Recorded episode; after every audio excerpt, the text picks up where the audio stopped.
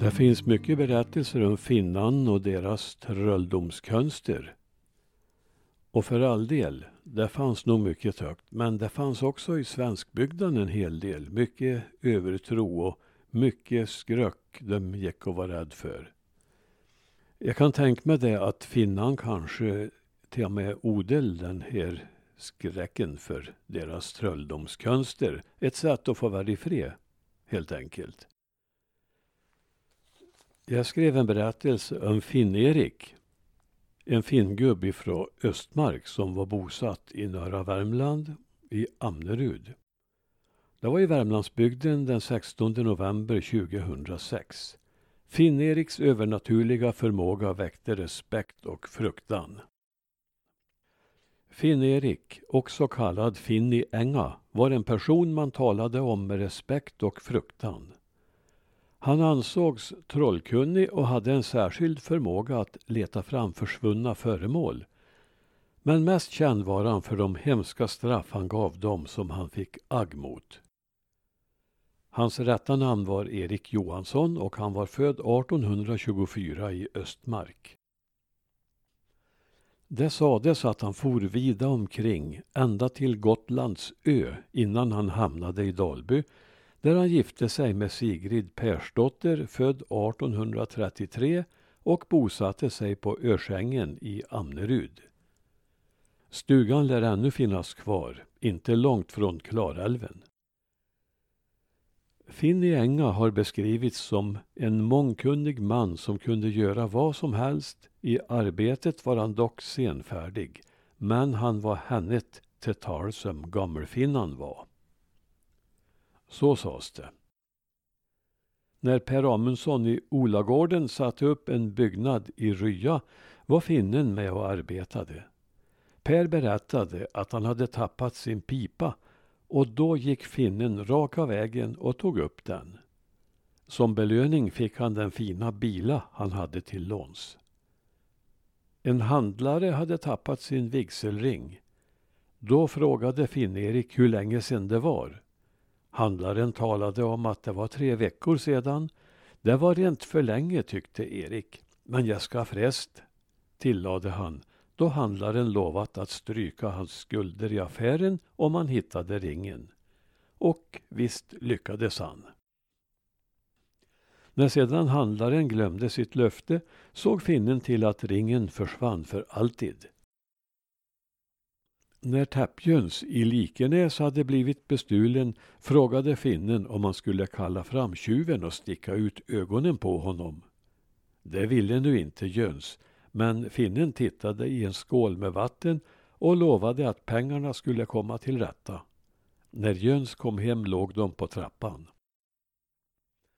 I vattenskålen kunde finnen se en bild av den som hade stulit och på detta sätt ska han också ha fått fram en klocktjuv.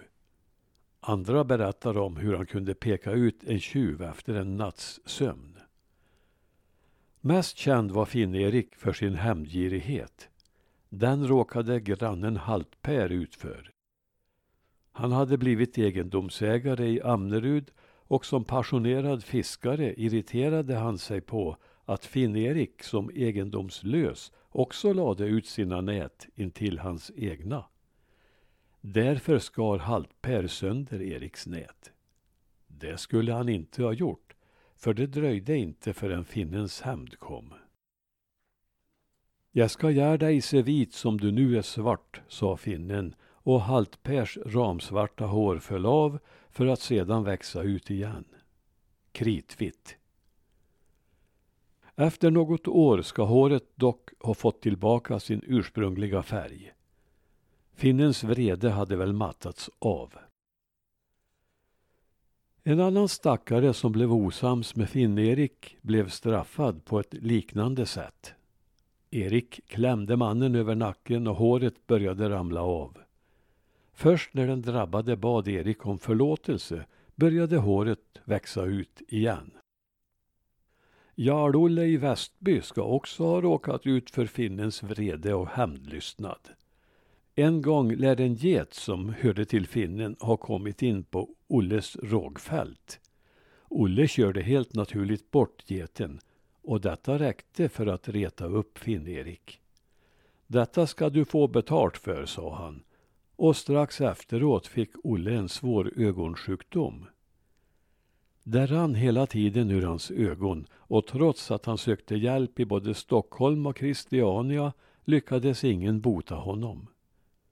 Först när geten dog blev Jarl-Olle kvitt sin ögonsjukdom. Nu är Blacka död, nu ska Jarl-Olle få igen öga, lär finnen ha yttrat. En gång blev Finn-Erik bötfälld av en eller annan orsak. Som han var utan pengar kunde han inte betala böterna utan skulle köras till fängelse i Karlstad. När skjutsen kommit en bit på väg stannade hästarna och det gick inte att få dem att gå vidare så länge Erik satt kvar. Detta är de mest omtalade historierna om Finn i Änga. Och efter alla år finns de naturligtvis i lite olika varianter. En mindre omtalad berättelse kommer från Karin Amundsson, Amnerud, som har finnens ställe som närmaste grannstuga norrut. Hennes farfar i Brannäs, Axel Olsson, blev tidigt enkling med två små barn. Detta var 1907 och Finn-Erik var ännu verksam. Axel tyckte att han behövde en kvinna i huset både för sin egen och barnens skull så han gick till trollkaren med ett fläsklår som gåva. Hans ärende var kort och gott att få hjälp att skaffa en kvinna. Du ska aldrig bli utan kvinnfolk och Karin ska alla dina kvinnor heta, sa finnen. Karin var också namnet på barnens mor som hade avlidit. Efter en tid blev Axel ihop med Järp-Karin, men de fick inga barn tillsammans. Senare flyttade Vallbekarin till honom och med henne fick han två barn, varav en dog ung. Karin dog och han fick en ny kvinna som hette Karin. Hink-Karin från Löfallehia, Lövfallheden, och de fick ett barn. Axel dog 1929 och hade då fått god valuta för det fläsklår han gett finnen ett par decennier tidigare. Detta är alltså berättat av Axels barnbarn, Karin. Finnens påstådda övernaturliga förmågor kunde tydligen inte hjälpa honom själv när han blev gammal och sjuk. Han fick cancer i näsan och dessutom värk i ett öga. Pojkarna i bygden tyckte synd om den gamle mannen och lade en krona var för att han skulle kunna söka läkarhjälp. Finnen hörde sig först för med Gammel-Amund som dock avrådde honom bestämt från att gå till doktorn. Det ska jag säga dig, kom du dit så blir du sjuk om du aldrig har vör för. Och slicka skötersk, hon har henne som smetängre, sade Amund. Finn-Erik följde rådet och använde istället pengarna till att köpa kaffe, som var hans favoritdryck. Hans onda öga värkte ut och man frågade honom hur han kunde använda pengarna så dåraktigt. Då svarade han Åja, det är så många som inte har mer än ett ög. Sigrid har inte mer än ett ho heller.